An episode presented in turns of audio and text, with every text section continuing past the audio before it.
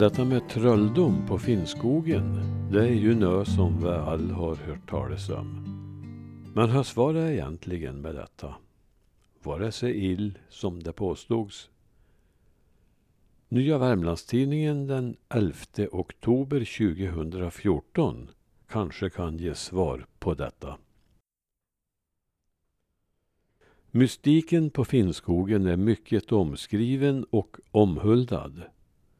Av någon anledning har finnarna förknippats med trolldom och vidskepelse i mycket högre grad än de omkringboende svenskarna och norrmännen.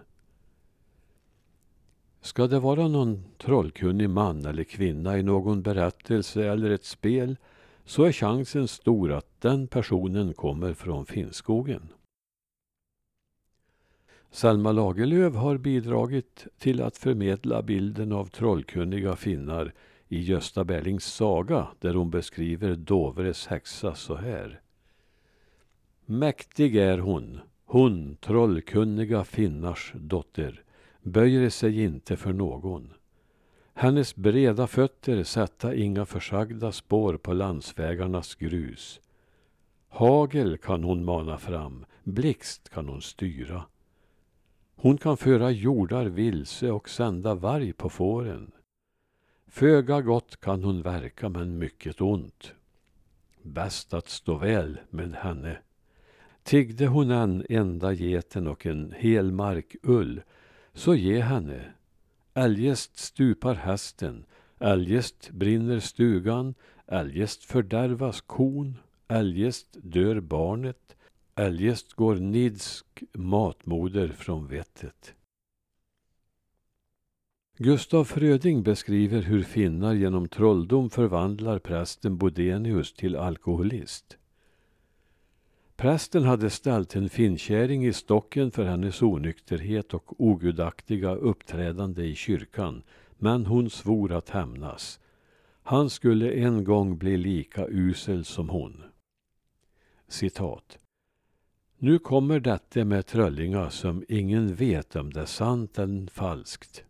Men säkert är att när Bodenius den dagen var på hemvägen ifrån kyrka bynte hugg i ett hand på en och det kom ett ta tandvärk över en, så att en vred sig och öja sig.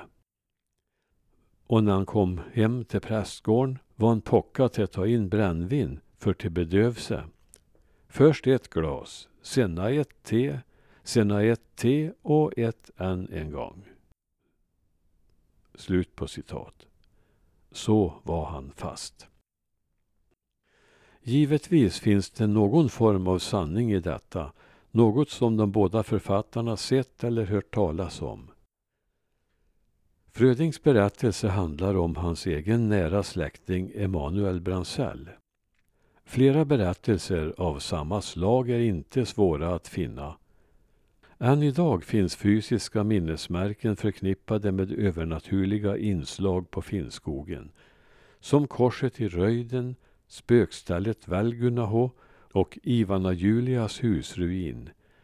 Ivana Julia som levde till 1969 och som ansågs som Finnskogens sista trollkunniga och låg bakom händelser som ännu ter sig oförklarliga. Men var finnarna mer trollkunniga än de kringboende folken eller varför fick de detta rykte? En möjlig förklaring kan vara att finnarna själva höll denna syn på sig själva levande då det kom till de djupa Värmlandsskogarna på 1600-talet. Det kan ha varit ett sätt att sätta sig i respekt, att hålla svenskarna på behörigt avstånd. Att finnarna gärna höll sig på sin kant bevisas av att de lyckades bevara sitt finska språk i 300 år. När de en gång fått detta rykte kanske de mer eller mindre medvetet måste leva upp till förväntningarna. Det kan vara en del av sanningen. Om man studerar arkiven märker man snart att finnarna inte var ensamma om att utöva magi. Även i svenskbygden förekom mycket sådant, liksom hos norrmännen intill norska Finnskogen. Ett uttalande från 1784 finns bevarat från sockenprästen Axel Christian Smith i Trysil. Overtroen härsker, gudskelov moske mindre i dette sogn enn i mange andre sogne i det folkrike egne. Og på Finnmarken forsikrer jeg, fanden ikke har mere å bestille enn i selve Trysild. Så skrev sockenprästen Smith i Trysil. Från maj 1861 till oktober 1870 var Fredrik Torelius kapellpredikant i Finnskoga.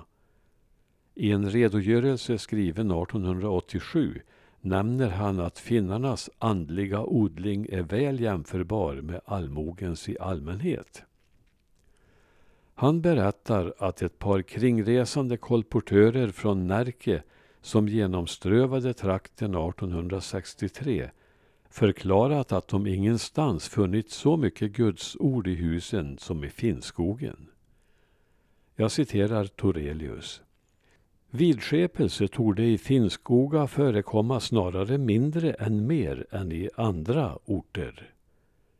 Sägner och sagor höra nog icke till finnarnas skaplynne, som röjer sig genom betänksamt, fåordigt och träffande omdöme.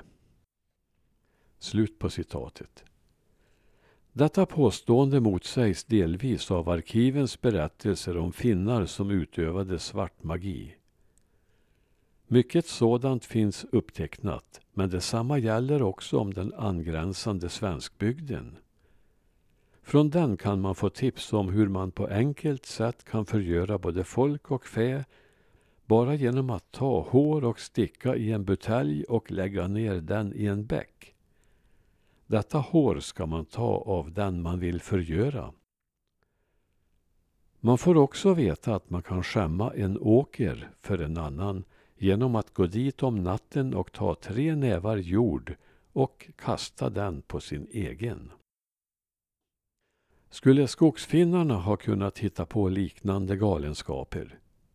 Jo, visst skulle de det. Och det gjorde de. De kunde slå en pinne i vägen för att med dess hjälp tjuvmjölka vilken ko de ville.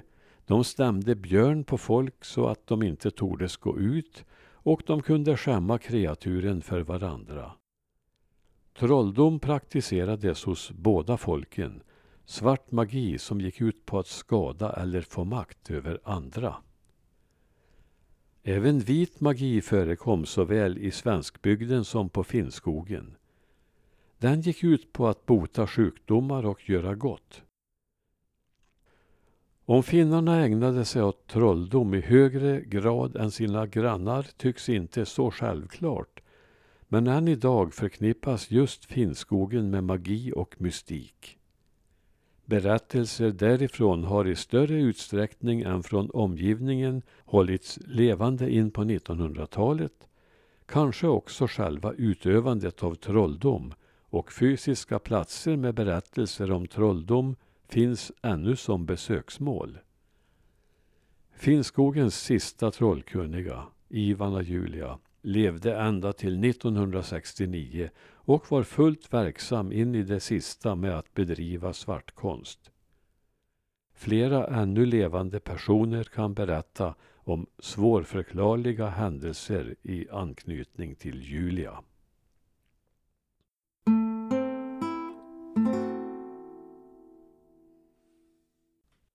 Efter att den här krönikan var införd så har jag funnit ett annat citat som kan vara intressant i sammanhanget.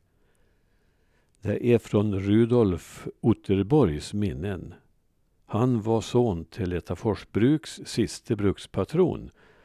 Han var född 1849 och växte alltså upp på bruket i mitten på 1800-talet. Och de flesta arbetarna där hörde alltså till finnbefolkningen. Han skriver så här ömdöm. För övrigt voro torparna liksom socknens övriga finnbefolkning ärliga och välvilliga, men mycket efterblivna.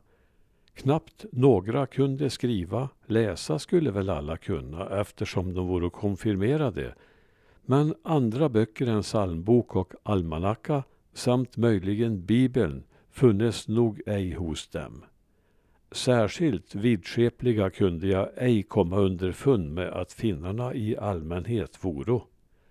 Då trodde smederna nästan mer på skrömt som de kallade allt som stötte på spöken samt Näcken och tomtar. Utom Finnskogarna hade befolkningen såväl i Värmland som övriga provinser en stor tilltro till och fruktan för finnarnas trolldomsförmåga. Här förekom ej något sådant, enligt Rudolf Otterborg från Lättafors bruk.